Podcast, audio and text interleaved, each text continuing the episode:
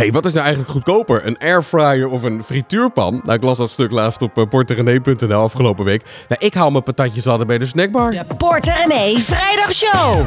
Hoi Casper en René. Hoi uh, Casper en René. Hi Casper en René. Hoi Porter René. Want patatbakken, dat is een vak, vind ik. ja. Maar dat is natuurlijk wel de duurste optie. Dat hè? is wel de duurste optie. Ze zijn wel het allerlekkerst en je huis stinkt niet. Vandaag hebben we het over. Graaiflatie. Het lijkt allemaal wel mee te vallen. Wij gaan groter, maar de rest wil kleiner. Van een jongere woning naar een echt huis. Soms is die stap heel spannend. Een zomerbaantje snel gevonden. En we maken ons steeds vaker zorgen over de financiële toekomst. Welkom bij nieuw, deze nieuwe Porterenee podcast, de vrijdagshow vanuit ons nieuwe kantoor. Hoor je de galm? galm Hoor je de galm, galm, galm, Hij staat nog een beetje leeg. Er komen nog allemaal spullen, moeten nog uh, hier uh, worden geplaatst. Ja, als PostNL ooit dat gaat doen. Ja, komen we zo meteen even op terug. Uh, maar uh, nee, ja, het is een prachtig plekje hier uh, in ons ja. nieuwe kantoor. We hebben de ruimte, want we zijn van, wat is het, 50 vierkante meter naar 250 vierkante meter gegaan ongeveer. nee, nee, je overdrijft iets. Maar bijna 50 vierkante meter hadden we en we zitten nu op 154. Ja, dat is een flink kantoor. Ja, dat, is groter dan ons huis. Ja, nee, daarom. Dus. En dat is best grappig, want als het gaat om huizenzoekers... Um, is het juist, juist het omgekeerde. Huizenzoekers zijn uh, steeds meer op zoek naar kleinere en betaalbare woningen.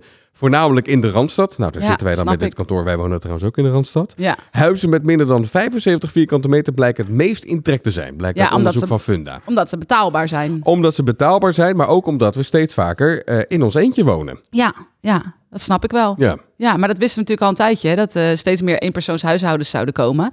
En dat woningaanbod is daar natuurlijk totaal niet op aangepast. Nou, dat, dat is dus het hele verhaal inderdaad. Nou, wij reden hier naartoe. Even een, uh, een, blikje, een blikje in wat wij net besproken hebben.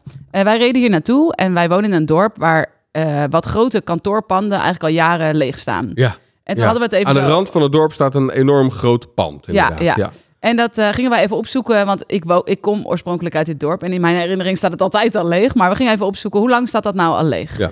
Nou, 12 jaar, of 12 of 14 jaar, Ja. zoiets. Ja, dat staat al zo lang leeg. Daar wordt al in de gemeenteraad zo lang over gepraat. Wat doen we daar nou mee? Kunnen we investeerders vinden? Wat is het waard? Bla, Nou. bla. Mensen zitten te springen om huizen. En wij dachten, als je dat allemaal plat va- veegt, hoeveel van dit soort leuke appartementjes zou je kunnen bouwen? Ik denk serieus al 200 op die Nou, er wordt in de gemeenteraad de laatste tijd veel gesproken over een nieuwbouw eh, midden in het dorp. En dan zijn er buren die klagen over, over uitzicht en dat soort dingen Ja. allemaal. Nee, ik denk, als je die woningen nou Ja. verplaatst naar de rand van het dorp, dan heb je er geen, geen enkel probleem. Ja. De, de oplossing ligt voor het oprapen. Het lijkt me ook zo frustrerend als je zo jong iemand bent en je fietst bijvoorbeeld elke dag langs Ja. dat leegstaande kantoor dat je denkt, jeetje mina, ik zou daar gewoon kunnen wonen. Ja, nee, dat is ook zo. Wij kennen ook iemand die met een project bezig is en die wacht al jaren totdat de gemeente zegt van eh, oké, let's go. Ja. Heel frustrerend. Nou ja, dat, dat, dat is ook zo. Maar het is ook best gek, hè, want eh, eh, wij hadden ooit een appartement dat we aan de straatstenen niet kwijt konden. In Almere ooit. Ja, ja. precies. Maar dat, maar dat was een kleiner huis. En dat- nou, het was eh, 90 vierkante meter of nou, zo. oké, maar dat was... Dat was wel een appartement. Ja. Het was wel een appartement. Er, kan, er, kunnen twee mensen in. Er had dus goed één, Ja. één iemand ingekund. ja, ja, ja. Zeg maar. Ja. Ja. Ja, Ja. Maar dat kregen we toen aan de straatstenen niet kwijt. Nee. En, en nu is er kennelijk heel veel vraag naar. Ja, maar de wereld verandert ook weer. Ja, toch? En ja. Almere was toen een soort van, sorry voor de mensen die daar wonen, ik, wij hebben er ook allebei jaren gewoond. Mhm. Het was een soort afvoerputje van Amsterdam destijds. En Ja. nu willen mensen daar daadwerkelijk wonen. Ja, Dat is totaal verschillend. ja dat, dat, dat stuk aan, aan, aan de kant van Amsterdam is wel populair, geloof ik. Hè? Met Ja, maar ik en denk heel. Almere wel hoor. Ja. Dus, eh, dus dat is heel erg ver- veranderd. Toen was het idee van de huisprijzen waren heel erg gedaald. En toen kon je voor de prijs van een appartement ook een heel rijtjeshuis Ja, krijgen. maar dat is het. O, het is Ja. onevenredig. Is, zijn die appartementen nog steeds hartstikke duur? Ja, ja, Ja. maar en ik heb betaald natuurlijk servicekosten waar mensen zich op verkijken. Want Ja. bij een koophuis betaal je natuurlijk ook dingen, maar niet elke maand. VVE. Ja. Gezeik met van die buren. Ik zei toen tegen jou nadat we daar weggingen, wij gaan nooit meer VVE. Als het niet nodig is, ergens wonen met een VVE. Wat is dat de hel? Als je VVE-ervaring hebt, stuur ze vooral op. Daar kunnen we lekker van genieten. Bij ons, zal ik er even een VVE-ervaring ingooien? Ja, doe maar. Ja, wij, eh, wij, ik kocht dat appartement met mijn ex. Ja. Toen was Casper nog niet in beeld. En ehm, wij hadden toen wat eh, spulletjes. Weet je wel, je weet, als je gaat verhuizen heb je wel wat troep. eh, dozen en zo. Nou, we hadden dat keurig op onze parkeerplaats gezet in de garage. Want het zou twee dagen later opgehaald worden door de milieu... Of eh, door de gemeente of zo. Ja. En de eerste kennismaking met een van de voorzitters van de eh, VVE was... Klop, klop, klop, deur open. Ja, wat doen die spullen op die parkeerplaats? Als je het niet binnen 24 uur weggehaald hebt, laat ik het weghalen, krijg jij de rekening.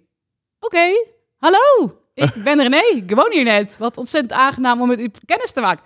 Toen dacht ik, wat heb ik gedaan? Hier wonen alleen maar oude Oh, mensen. man, die man, hebben man, te veel tijd. Ja, die hebben te veel tijd inderdaad. Ja, en ik had ook toen een kat en ehm, die ging ik wel eens in de binnentuin met de poes. Dat mocht in principe, Ja. als hij maar niet ging zitten poepen. En dan ging diezelfde man, die zat zo in de Oh flat, nee, nee, nee, nee. nee. gaat zo mij in de gaten te houden. En, dat van- was, en dat was ook de voorzitter van de VVE. Ja, hij is nu dood. Die poes of de... Nou, Oh nee, die man. oh. Ja, dat is wel erg voor hem. Hij heeft me een keertje zelfs voor de rijder in de rechter gesleept, weet je nog? Was dat die gozer ook? Oh, dat was grappig inderdaad.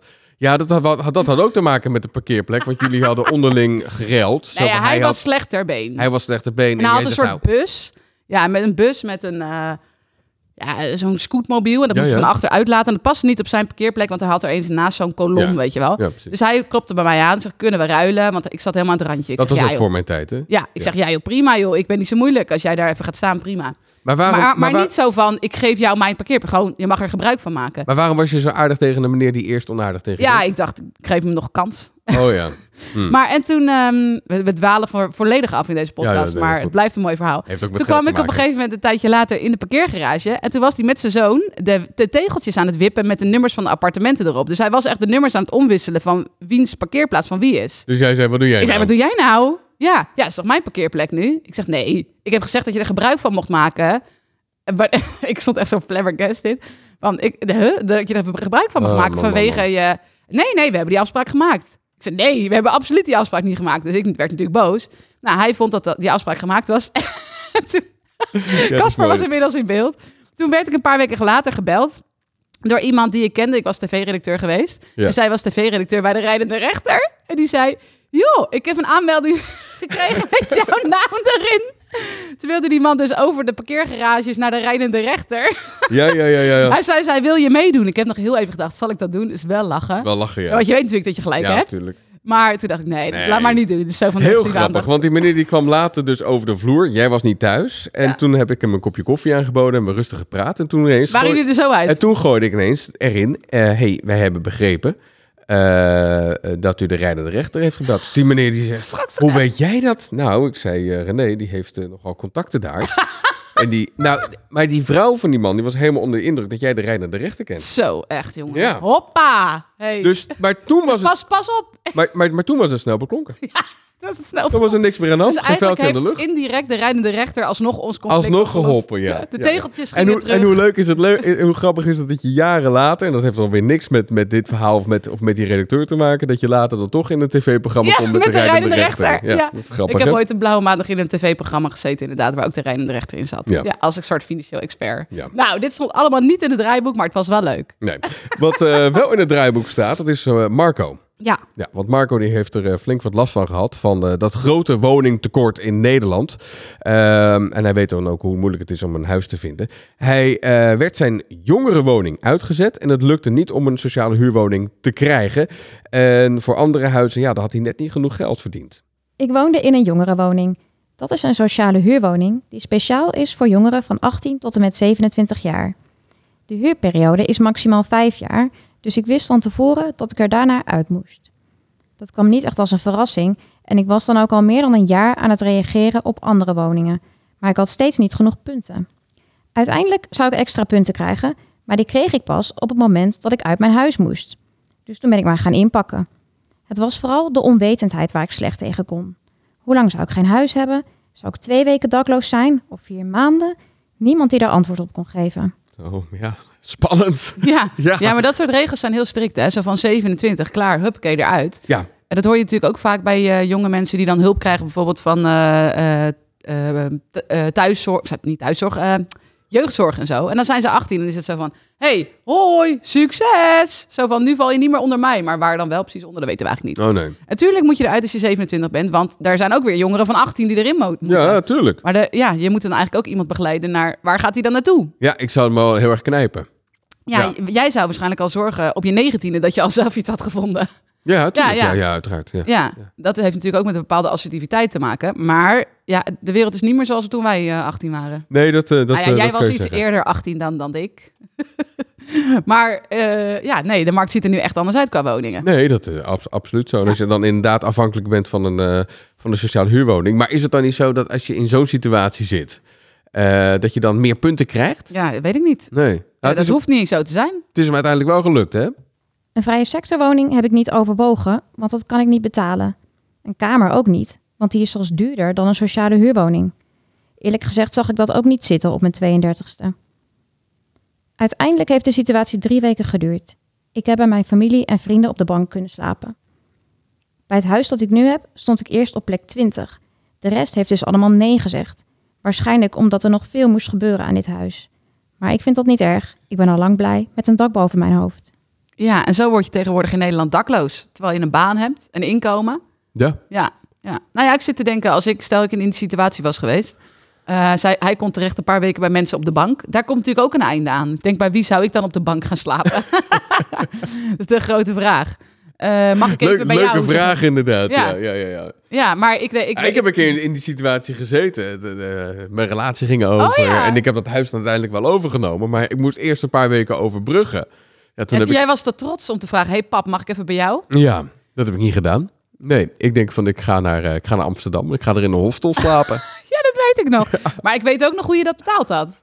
Ja, met mijn creditcard. Ja. Ja, ik maakte echt een zootje van mijn financiën Ja. toen, joh. Oh, oh, oh, oh, oh. Met een creditcard. En ik weet toen we elkaar leerden kennen dat jij iets van 3.000, 4.000 euro creditcard schuld had. Ja, Zoiets, ja. ja dat Ja. was ook uit die periode. Ja. Ja.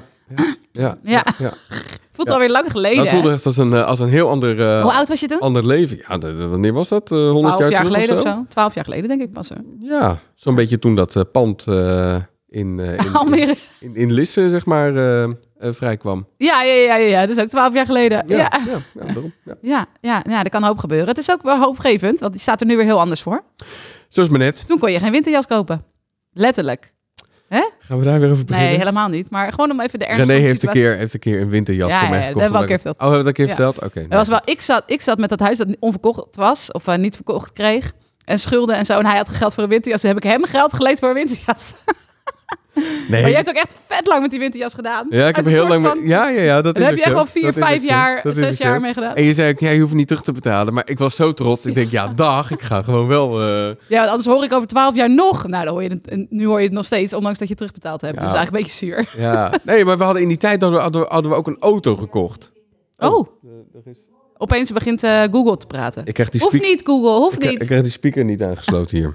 Nieuw kantoor, jongens. Dan ben je nog in op, eh maar in die tijd, wat zei je nou? Eh, maar in die tijd hadden we ook een, een nieuwe auto gekocht. Ja. En jij zei de hele tijd, het is mijn auto. Dat Oh ja, ook, ja, want ja. jij had, Ik had hem jij- betaald. Jij had hem betaald. En daar was ik zo zuur van. En ik, had geen geld aan mij. Dat ik de helft van die auto's nog bij elkaar heb gespaard, heb ingelegd. Ja, Ja, ik ben wel... weet nog dat je het overmaakte en wel een paar maanden later je moest even versparen. Ik ben Zo wel... van, mijn deel van de auto, nu is het ook mijn auto, punt. Ja. Overmaken. Ja, precies. Ja, maar wat dat betreft is het wel, is dat, het zit wel ingebakken bij mij. Er is wel een soort van, voor het soort van eh, Onafhankelijkheid. onafhankelijkheidsdrang. Ja, maar ik pushte je ook wel een beetje misschien in die tijd. Het klinkt nu alsof ik heel naar was tegen je, hè? maar ik vond ook wel dat jij het even op orde moest krijgen. Nee, nee, maar dat was goed. Nee, je pushte me niet. Nee, ik wilde het zelf. Ja, maar Nee. ik zat je natuurlijk wel een beetje te plagen toen ik zei mijn auto. Ja, nee, dat, dat, dat, dat, dat is ook zo. Maar Weet je nog die keer dat, ik mijn auto, dat ik mijn auto echt super strak had ingeparkeerd. Jou riep, want wij woonden toen in Haarlem aan de Oh gracht. ja, ja, aan de gracht. En toen zei ik, kom even kijken. Ik heb hem echt zo strak geparkeerd. Jij kijken. Had ik hem de- langs de hele zijkant langs een paal geschuurd. Super strak. Ja, echt heel strak. Heel zei, strak, oh, inderdaad. nee. Ja, dat is ook zo. Ja, ach ja. Nou ja, Zeg, heb je ooit eh, vakantiewerk gedaan eigenlijk? zeker. Ik begon met eh, bij mijn vader werken in de schuur, in de bloemen. Oh ja. Ik zat in de, in de droogbloemen, later in de zonnebloemen. Dit klinkt wel heel idyllisch hoor. Zo idyllisch was mijn vakantiewerk niet. Wat heb ik nog meer gedaan? Ik heb de postkamer bij de Hyundai gedaan. Ik heb bij de... eh, ja, met zo'n karretje ging ik de post rondbrengen. Ik heb ooit bij hier een of andere eh, packagingbedrijf... Zo, die zat in verpakking, heb ik de administratie op zolder opgeruimd. Ik heb in een boekenwinkel gewerkt. Ik, nou, eh, van alles. Oh, wat leuk. Ja. Nou, wat goed. Ja, Ja, jij niet dan? Ja, nee, ik ook. Ik heb ehm, een blauwe maandag eh, patat gehakt bij, eh Bram bij, Ladage, bij ja. Bram Ladage in Rotterdam. Was niks voor mij. Nee, maar dat was ook omdat je toch een patatje op de grond zag vallen. En toen zeiden ze, ah, doe maar weer terug. Toen dacht je, ja, gadverdamme. En ja, toen heb ik ook nooit meer ben- patat gehaald. Eh, en eh, wat heb ik nog meer gedaan? Ik heb bij mijn oom inderdaad onkruid eh, gewiet. Ik heb ook nog een tijdje bij, god, heet dat ook alweer? Dat had toen, bij de uitgeverij van, dat was toen nog samen Volkskrant AD en NRC. Eh, heb ik op de crediteuren-debiteuren afdeling gezeten. Jij hebt echt op crediteuren debiteuren. Ik heb op de afdeling, ja, ja, ja, ja zeker, zeker. Moest ik van die, eh, van die kranten die niet verkocht werden, eh, die moest ik dan afboeken. Oh ja, ja. Nou, Ja. Dat was wel een uitdagend proces zeker. Dat was zeker een uitdagend proces inderdaad, ja. ja. Eh, dus dat was, ja, ja. Nee, die vakantiebaantjes liggen namelijk voor het oprapen. Ik las er al wat over in de New York Times afgelopen week. Economen verwachten dat de arbeidsmarkt heel gunstig is voor jongeren die deze zomer eh, Ja, wel iets, iets zou willen doen. Maar dat was vroeger wel anders, want ik ging dan echt naar het uitzendbureau. Nou, ik dus ook. Ik Ja. kan me herinneren dat ik echt wel moeite had om een leuk zomerbaantje te vinden. Ja, dat weet ik ook nog, ja. Ja. ja. En ik heb trouwens ook nog, dus zit ik nu te denken. Ik heb nog in, ik was een combinatie van een administratieve functie plus kantinedienst. en dan ging ik de broodjes smeren bij een soort autobedrijf met allemaal mannen in van die overals en zo. En dan zei ik eh, zo, dat vond ik het leukste moment. Zei ik, eten! Zo door die hal. En dan kwamen al die mannen uit allerlei hoeken, gaten, kwamen dan mijn broodjes eten. Oh ja, wat grappig. ja. Nee, maar het was inderdaad wel even zoeken. Want anders kwam je ja, alleen maar achter een computer, vond ik nooit zo heel chill. Eh, maar dan ging ik echt naar het uitzendbureau. En dan, eh, ja, welke, wat zie je jezelf doen? En eh, allemaal ja, kritische zo'n heel vragen. gesprek had je dan inderdaad. Ja, en soms Ja. werd je ook echt afgewezen voor iets. Dat Oh je ja? dacht, nou, oké. Oh nee, ik niet. Jij niet. Nee, Nee. Jij, jij bent niet. Nee, alleen ik. maar het is toch superleuk. Eh ik heb daar echt leuke herinneringen aan. Ja, grappig. En Ja. dan kreeg je ook bij het uitzendbureau per week uitbetaald. Dat vond ik altijd wel magisch. Dat ik elke week geld. Oh ja? Ging ik ook elke ik kan me niet herinneren of het elke week was of elke maand. meeste uitzendbureau Ik- betaalde toen in ieder geval elke week uit. Ik mocht ook wat langer blijven, want degene die ik eh, verving, dat is een akelig verhaal, joh. Sindsdien ben ik echt, eh, als ik in een hotelkamer kom, doe ik altijd eh, eh, meteen alle, alle kranen open. Die is aan een legionella-besmetting is hij, oh, is hij bezweken. Echt waar? Die was op vakantie gegaan, had, kwam daar aan, is, heeft een douche gepakt of weet ik veel wat. En nou, is niet meer teruggekomen. En die kamer had waarschijnlijk gewoon een tijdje leeg gestaan. Ja, waarschijnlijk Oh wel. Dat vond ik zo, ja, ja. En dat hakte in op die afdeling ook, weet ik wel. Zo heel treurig verhaal. Wat zijn dit met allemaal mensen die, die allemaal doodgaan in deze podcast? Dus jij had een vakantiebaantje overgenomen van iemand die gewoon niet meer terugkwam. Ja. Oh mijn god. ja of ik En gebeurde dat vaker? Dat als jij iemands werk ze dan niet meer terugkwamen? Want dan wordt het wel verdacht. Ah, ja. Ach, je doet het ook zo goed, hè? ja. Nou ja, als, als je, als je een, een, een, als je een zomerbaantje zoekt, ik zou zeggen, word eh pakketbezorger. Ja, dan krijgen we misschien onze Dan meubels krijgen we misschien onze meubels wel. Want eh, ja, ik zei het al, het galmt hier. We wachten hier al, eh, al een tijdje op nieuwe tafels. De stoelen zijn al wel gebracht. Ja. Heel, heel We hebben heel veel stoelen, 14 stoelen, nu maar geen tafels. Nee. Nee. Eh, de bureaus zijn er wel, maar het gaat om een vergadertafel en om een eettafel. Waar wij, eh, waar wij hier op, eh, op wachten. Wat, wat is de status nou? Geen, ik heb niks. Ik heb alleen communicatie met Vonk. PostNL is dus niet bereikbaar voor mij. En ehm, ik kreeg net een berichtje dat de zitzak die we besteld hebben vanmiddag komt tussen 2 en 6. Dus ik zit hier nog wel eventjes. Oké. Ja. Maar dat is alleen De zitzak. Ja. Oké. We hebben heel erg die vergadertafel nodig. Maar Ja. PostNL gebeld, gesproken, wat heb je gedaan? Ik heb PostNL gebeld. En eh, toen zeiden ze vooral dat het heel erg druk was. Dit gesprek kan worden opgenomen voor kwaliteitscontrole en trainingsdoeleinden. Is dit een kwaliteitscontrole? Ik denk het ja. Het is op dit moment erg druk bij onze Ja, klantenservice. dan heb je het al. De wachttijden zijn daardoor langer dan dat u van ons gewend bent. Nou, we waren wel wat Bezoek gewend al. www.postnl.nl of de PostNL-app voor de meest actuele Ja. informatie. Heb, je ik dat dan gedaan. niet gedaan? Tuurlijk joh. Maar er staat gewoon de hele tijd 10 uur 30 tot 1 uur. En dat is dan al lang geweest. Ik denk, ja, hallo.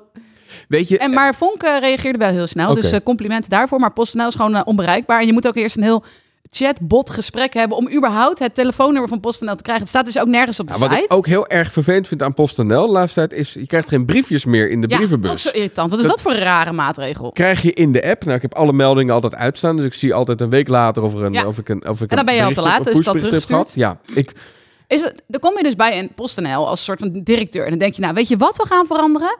De briefjes.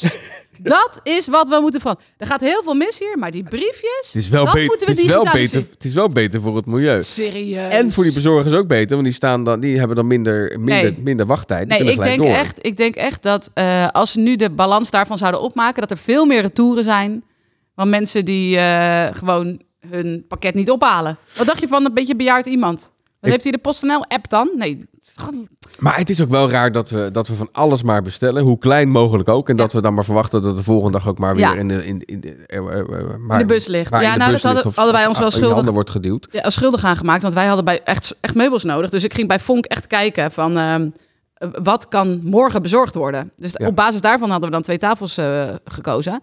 Ja, dan verwacht ik dus dat het morgen bezorgd wordt. Dan zit ik dus de hele dag hier en dan krijg ik een tijd. En dan verwacht ik, kijk, als het een uurtje later is, prima.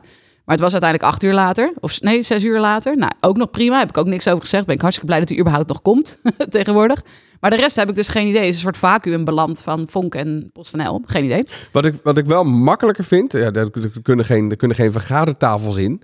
Eh, maar dat zijn die kastjes, die kluisjes bij de Albert Heijn. Ja, die bumble, bubble, bubble. Bubby, ja. Maar daar zo. past inderdaad geen vergadertafel in. Nee, maar dat werkt heel dat goed. werkt supergoed, ja. Daar en dan kan je gewoon... En de openingstijden van Albert Heijn zijn natuurlijk ook ruim. Dus het niet zo van... Oh, kom om vijf uur van mijn werk laat, maar de ACO is alweer dicht. Weet je wel, het wordt hem weer niet. En morgen om half tien open. Ja, tuurlijk. Ja, mensen hoeven niks te doen of zo. Wat zijn er voor rare tijden? Dus bij Albert Heijn kun je gewoon van zeven, bij ons dan tot de negen of zo kun je terecht.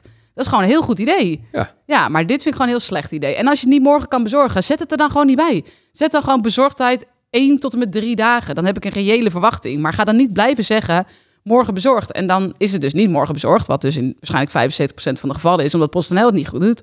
Ja, dan krijg je dus allemaal ontevreden mensen. Wees dan gewoon reëel eh, over de verwachting die je moet hebben. Het is gewoon sowieso goed in het leven. Hè? Gewoon reëel zijn over de verwachtingen. Net als met onze pensioenen. Zeg maar gewoon wat het ongeveer wordt. Hè? Een range. In plaats van je krijgt zoveel. Want dan is iedereen boos. Oh ja. Je krijgt tussen dit en tussen dat. Is dit het moment om over het nieuwe pensioenstelsel te hebben? Nee, we gaan het er gewoon niet over hebben. En we gaan het er nog later over hebben. Maar ik heb er nou nu even geen zin in. Ik heb gewoon een leuke dag. Ik wil het gewoon niet over pensioen hebben.